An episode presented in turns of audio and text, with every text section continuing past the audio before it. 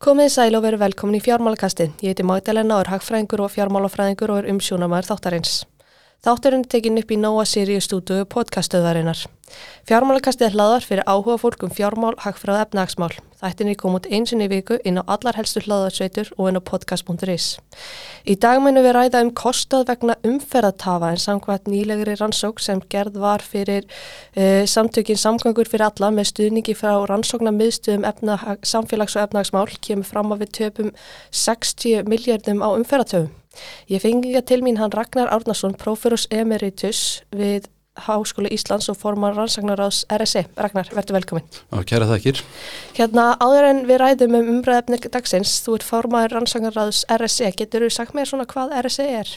Já, í stuttumáli er RSE, er, þetta er skamstöðum fyrir rannsóknar miðstöðum samfélags- og efnarsmál. Þetta er hugveita sem eh, beinist fyrst og fremst að því að eh, útskýra fyrir fólki, þjóðinni, e, mikilvægi markaskerfisins, frjálsara viðskipta og frelsist einstaklingsins. Er þið búin að vera lengi starfandi? Við höfum starfað frá árinu 2004, svona með dálutum öldugangi. Mm -hmm. Hvað er svona helsta sem þið hafi verið að gefa út? Við höfum verið að gefa út í ímisrið sem, sem lútaði þessum hlutum. Við höfum gert úttektir á mörgum hliðum sjárutismála, skattamála, umsöfu hens ofmjöfmeira og sömulegis reyndað eh, greiða fyrir því að helstu rítum e, frelsi einstaklingsins og, og markaskerfið sem rítu það verið ellendis komu út í íslenskri tíðingu og svo aðgengileg ekki síst fyrir um tólk. Einmitt. En þá að umræðafni dagsins uh, þið gerðu útækt á uh, kostnaði vegna umferðartafa, getur þú svona sagt mér frá okkar helstu niðurstöðum?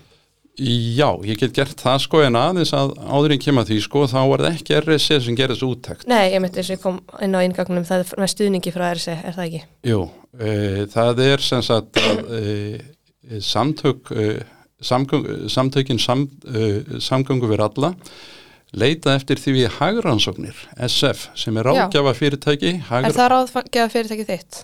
Það er ráðgjafa fyrirtæki sem ég er aðili að en það eru fleiri eigundur að e, þetta ráðgjafi fyrirtæki sem starfar á hinn og hægrana sviði að það gerði þessu úttekt e, og fjárastöfningur í málið til samgangna fyrir alla kom frá RSC meðal annars mm -hmm.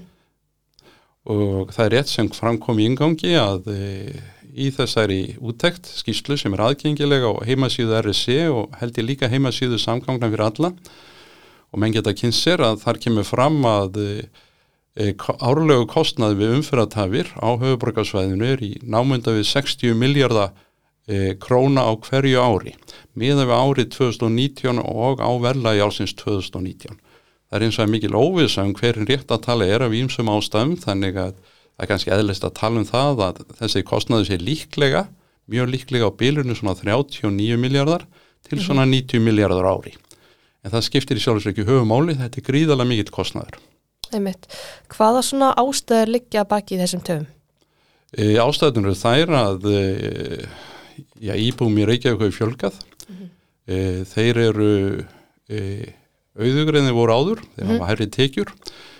E, bílum hefur fjölgað samanskapi en umferðamannverkin, allar götu frá árinu 2007 í það minsta, hafa ekki verið bætt að samanskapi, heldur þvert á móti að þá verðast e, já, yfirvöldur Reykjavíkur í það minsta og kannski sveitafélagin rágrunnu álagt meiri áslega á það að tefja fyrir umferð með ímsum ráðstöfunum. Já, mitt. Og hvað svona þarf til að bæta úr þessu að þínum aði? Uh, til að bæta úr þessu, það er bara mjög einfalt, það liggja fyrir úttektir á ímsum endurbótum umferðarkerfinu af ímsum gerðum sem ekki kostar mjög mikið sem myndu draga mjög um umferðartöfum og þar með þeim kostnaði af starðagránu 60 millara sem fellur á alla íbúa á þessu svæði, líka þá íbúa sem ekki nota heimilisbílinn eða engabílinn. Því að það, þessar umfæra tafir það bitna líka á almanna sangöngunum mm -hmm. og svo framvís. E, þessar fjárfestingar, það hefur verið gerðar útættur á þým, það líkja fyrir, það eru allmargar sem koma til greina.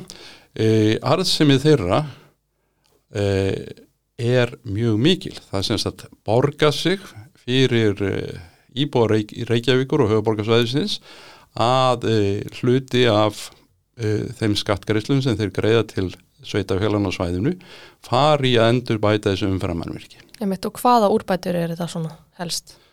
Já, þetta er úrbætur af ímsu tægin sem sagði áðan sko, það er að bæta gatnamót, það er að koma upp mislægum gatnamótum hér og þar sko á strategist mikilvægum stöðum, það er einn marg umtalað sundabraut, það er að samstilla umferðljósakerfið, endur hugsa jafnvel hvar umferðljós eru staðsett, endur hugsa hraðahindran ímsu tægi, draga úr óþarfa þringingum, greiða fyrir því að til dæmis almannastöngugkerfið, e, strætisvagnarnir, að þeir tefi ekki umferðið eða þeir stoppa til þess að taka við fartegum eða leipa fartegum út og svo framvís. Flesta þessu er ekki mjög dýrt og eins og ég sagði áðan að þá er arðsemið þessara framkvæmda, hún mælist í 20% ef ekki 100%. Mm -hmm. Það er satt að segja mjög förðulegt að yfirvöld sangöngumála á höfuborgarsvæðinu skuli ekki hafa tekið þann kost ef þau annar borð hafa áhuga á velferð íbúa borgarinnar. Einmitt, það er oft rætt um borgarlínu sem einhver að töfra laust hver er þín ástæði til borgarlínu? Já, ég er í sjálfu sér e, ekki á nokkurn hát andvigur almannasangöngum, það Nei. er hluti í borgarbúa, notar þær, það er fyrst og reynst börn og unglingar, e, aldraðir og merkir þetta nokk erlendi ferðamenn. Mm -hmm.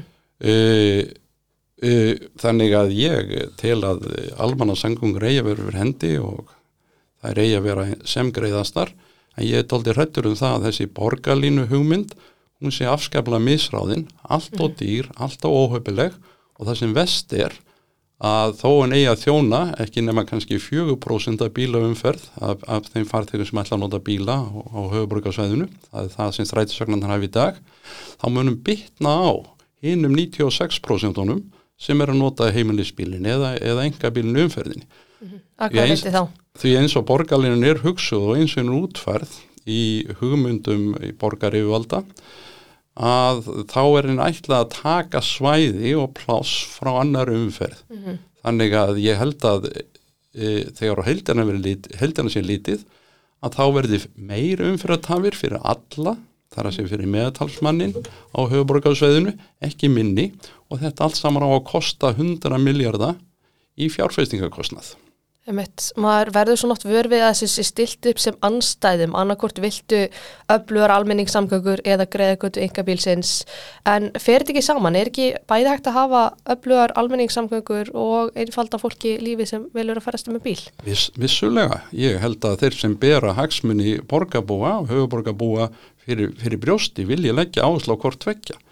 Ég hins vegar til sjálfur, það var ekki partur þessari skýrslu en ég er svona mm. verið að huglega þessi mál að það sé kannski ástæðis að endurhugsa almenni samgöngu kerfið á nýtt. Við Let's. erum ennþá í gamla góða strætisvagnakerfinu uh, sem hóðu göngu sína fyrir mjög mörgum áratungum síðan, jafnvel fyrir setni heimstýrvildina Eh, við sjáum erlenda þjóðir, þær leysa þennan vanda með ímsum hætti, til dæmis að það er mjög algengt að eh, skólabörn sem eru stór hluti af viðskjötavinum strætinsvagnakerfisins, að þau séu flutt fram og tilbaka í skólabílum. Það er bæði örugara og miklu ódýrara og við öll sem ferðast um götu Reykjavíkur, við sjáum að strætisvagnarnir langtímið saman, gríðarlega mikið flikki, eru hálftómir eða alltómir. Það er bara ákveðnum tímapunktum sem einhver umtalsverðu fjöldi fartega er í sér strætisvagnarkjörfi. Síðan má ekki gleyma því að fyrir eldra fólk uh, sem er kannski orðið örlíti reyfihamlað á ekki auðvilt með að svona býða á strætisvagnarstöðum eða komast til þeirra, ekki sísta vetralagi, að þá eru strætisvagnarkerfið eins og það skipulegt ekkert mjög heppilegt og þá vaknar spurningunum það hvort það sé ekki að taka hér upp kerfi það sem eldri borgarar hafa einhverja áskrift að til dæmis leigubílakerfinu eða af, afbreyðum að leigubílakerfinu mm. þess að þið geta bara ringt og þá kemur bíl og sækir þá og flýtur það einhvern annan stað og hugsalega með góðu skipulagi þá geti sama faratæki tekið tvo eða þrjá aldraðra í sömu, sömu ferð. Það má ekki gleyma því að í stræðrögnarkerfinu þá er kostnára hvert farþega já í námend af 1000 krónur það er að segja meðal kostnar ákveðt fartæðin sem ferðast með þessu strætisvagnakerfi og þá er þetta að fara að slaga upp í það sem kostar bara í venjulu leigubilakerfi sem þarf alls ekki að vera svo dýrt eða veri betur nýtt. Nei, einmitt. Hérna þegar þið framkvöndu rannsóknuna, hvað var það svona helst að sem komir óvart? Já, það kom mér raunverulega ekkert á óvart í sjálfur í rannsóknir. Það sem kom mér á óvart var það að sangungu yfirvöld á höfuborgarsvæðinu hafa ekki synd því að gera aðtunar því hvernig ferðatímið þróast, hefur þróast í Reykjavík og er að þróast. Þau hafa ekki synd því að, að kanna hversu miklar umferðartafi verða og, og enn síður hvaða kostnæður eru af, af þessum hlutum. Mm -hmm. Þau hafa greinlega ekki verið að hugsa um það sem er aðalatriðið fyrir borgarbúa hvað tekur það langan tíma að komast frá einu stað til annars? Lenduð á einhverjum svona hindriðinum öðrum þegar þið framkvæmdur rannsóknuna? E... Það var bara skortur á upplýsingum? Fyrst og nefnst skortur á upplýsingum, það var ekki, ekki um það að ræða að, að menn staði í vegi fyrir sér rannsókn og, og nokkuð nátt sko eða það sem þú spurjum. E, það þurfti hins vegar að fara yfir talsvert mikla hagfræð og, og verkfræði í, í málunum til þess að skilja sko hvernig þessi hlutir ganga fyrir sjó þróast. Það er, eru þættir í, um, í samgöngu og hagfræði sem eru hérna mjög mikilvægi til dæmis þeir sko að tiltekið umfærakerfi veldur eiginlega engun töfun lengi vel en eftir að tafi fara að myndast þá geta það vaksi mjög hratt með fjölda faratækja og það er nákvæmlega það sem við gerst á höfuborgarsvæðinu frá því að hafa bara mjög litlar umferðartafir fyrir, við skulum segja, 10-15 árum, það er orðna mjög miklar og það er samt að segja förðulegt í borg sem er smáborg og alþjóðlega meðlíkvarða. Mm -hmm. Emitt, hvernig er svona bakst að mæla umferðartafir? Já, best væri að mæla það með því að e, vera með e, mælingar í einstökum bílum, e, einhverju úrtæki bíla og e, svona líkt eins og gert er í, í neyslukonunum og halda þeim upplýsingu til haga. Aðra mælingar geta verið þannig að ákveðnum punktum í umferðarkerfinu sé, sé mælt og það er að fylgjast með því hvað tekur langan tíma fyrir eitt bíl að fara á millið þessara punkta. -hmm. Emitt, hérna uh, hvað er það sem geraða verkum að það skiptir svona gífurlega miklu máli að hafa góðar samgöngur? E, já, sko Ég held að blasi við hverju fjölskyldi í, á þessu höfuborgarsvæði og reyndar hvar sem er í heiminum að e, e, velsælt og bara hagsmenni fjölskyldunar félast í ríkumæli því að geta komist hratt og vel og öruglega á milli staða. Hér á höfuborgarsvæðinu til dæmis þarf fólk að fara úr og í vinnu stundum, já, við núanandi ástandi umferðarkerfinu þá er tíminn sem það tekur hæglega tíu myndur og stundum 20-30 myndur kvölds og mótna þegar umferðinni hvað vest það þarf að koma börnunum í skóla. Það þarf að koma börnunum í gæslu hjá ætningum, öfum og ömmum. Það þarf að koma þeim í, í, í tómstundatíma, íþróttir tónlist, margt fleira mm -hmm. e, fóráðmenn heimilisins þurfa að gæta því að fá, fá kaupin vörur á sem allar lægstu verði til þess að drýja ráðstöfunatekjur heimilisins mm -hmm. og allt þetta þýðir það að fólk þarf að þeitast fram og tilbaka. Mm -hmm. Þannig að stór hluti af, eða undansveru hluti af tíma fólks yfir hvert dag sem hægt hefur verið að nota í frítímum í fjölskyldunni fer í að vera í umfyrðin og stundum í mjög alvarlegum umfyrðatefnum. Mm -hmm. Þetta er það sem lítur að, að einstaklingum og, og fjölskyldum síðan er sá þáttur sem lítur að fyrirtækjum sem náttúrulega lenda í nákvæmlega því sama fyrirtæki þurfa að senda vörur fram og tilbaka hálfunnar og, og fullunar og koma með í vestlænir og úrvestlunum og á sortprinsunastöðar og, og, og flytja efni og vörur og menn þurfa að fara mellir funda og þannig má lengi telja mm -hmm. þannig að umfyrra tafjur á höfuborgarsvæðinu valda fyrirtækjunum miklum kostnaði, það kemur fram í velæginu og það kemur líka fram í, í því að ef umfyrirtafir hér eru meir eldur en annar staður og það eru tegar orðnarða að þá verður sangiði staða Íslands atunlífs með að velnend atunlíf að samaskapi lagkara. Fyrir tjóðinni í heild þá er það þannig að eila öll þau verðamæti sem verða til landinu, verða til landinu vegna þess að fólk er að leggja fram vinnu. ef umfyrirtafir eru mjög miklar e eða bara eða umfaratafir þá dregur það úr því vinnumagni sem hægt er ráðstafi í framleysluna. Þar með útjóða framleyslunni og síðan hagvexti landsins. Einmitt. Við erum búin að fara svona nokkuð vel yfir þetta. Eh, Var svona eitthvað annað sem kom fram í skýslinni sem svona, já, kom þér óvart, þegar fannst áhugavert, eitthvað slíkt? Já, mér finnst það samt að segja dálítið áhugavert þótt að það ekki komið fram í þessari skýslu og nú er ég Já. bara sem hagfæringur að leggja út af þessu. Já. Í stað þess að eh, bæta umfyrirkerfi í Reykjavíkar og í það minnsta að, að, að, að láta það fylgja fjölgun íbúa og fjölgun faratækja og bara vaksandi umsögum á, á höfuborgarsvæðinu þá hafa uh, borgariföld valið að fjárfesta ekki neitt reyndar minnin ekki neitt í umframannverkjum og samgöngubótum. Jafnvel eh, eitt verulegum fjárðum í því að í það að eh, veikja umframannverkin afleðingin er svo að, eh, að þér virðist að þá hafa er, þá kosta umfyrrat hafir í dag e, um það byrj 60 miljardar á ári og voru hverfandi fyrir svona 15-20 árum á höfuborgarsvæðinu þannig að e, það sem gert hefur verið er það að leggja raunverulega gríðalega mikið viðbóta kostnað á höfuborgarbúa upp á þessa uppað 60 miljardar eða þar um bil í, í stað e, og, í stað þess að nota skattekjunar til þess að e, já, bæta þennan þátt í lífskilunum borgarbúa. E, Í þessu sambandi er verðt að hafa því í huga á því árið sem við erum aðalega miða við sem er árið 2019 þá voru útsvarstekjur Reykjavíkur ekki nema kannski svona 120 miljardar en hér er viðbóta kostnar sem er lagður á borgarbúa með umfyrirtöfum upp á 60 miljardar. Það er eiginlega þessi undarlega ákvörðanataka þeirra e, e, borgarívalda sem eru kjörin til að bæta hagfólksins sem kom mér mest ávart. Einmitt. Hérna, en komum aðeins aftur að RSE. Hvað er svona framöndan hjá ykkur þar? Hjá RSE, það sem er framtöðu RSE er að, sem sagt, að byggja upp þá starfsemi sem uh, við viljum beita okkur fyrir. Við ætlum að taka saman e, úttektir um uh, hinn og þessi mál sem eru mikilvæg fyrir, fyrir land og þjóð. Meðal annars ætlum við að líta til þess hvernig þið ofnbæra hefur vaksið og velta upp þeirri spurningu hvort að uh, það mikla fjö sem nú fyrir ofnbæra rekstur sem er í námynda við helmingina þjóðframlið þjóðarinnar sé vel varið eða hvort að það væri kannski betra að nota þennan hluta á þjóðframlunni í eitthvað annað. Einmitt, ég enda á svona oft þáttinn á léttunóttunum. Hvað ertu búin að kenna lengi í HÍ? Ég hef búin að kenna bara eiginlega lengur heldur í kærim um að muna. Þú kenndi mér. Já, ég gerði það, kendi mörgu mjög góðu fólki.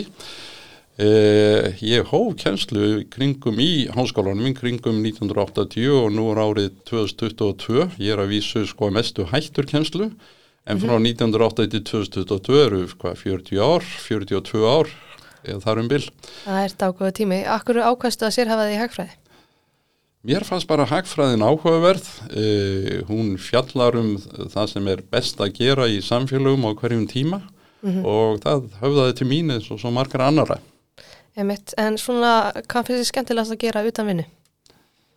Já, utan vinnu segiru, Já, í mínu tilfelli er eiginlega engi tími utan vinnu en það sem Nei. ég finnst best að, að gera þegar ég er ekki ákvörð að vinna er að vera með barnabörnunum og njóta þeirra djúpa og mikla innsæðis inn í lífið og, og, og raukfræði þess. einmitt, finnst þið gaman að ferðast? Nei, Nei, ekki gaman að ferðast, þannig þannig ég get ekki spurt í hverju þín uppáhaldsborg.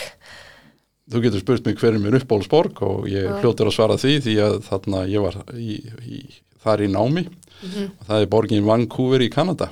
Mm einmitt. Hérna, eða þú ættir að mæla með einni bók fyrir hlustendur fjármálukassins, hvaða bók væri það? Ég ætla nú að vera svona kannski dálitið léttur á nótunum líka hérna.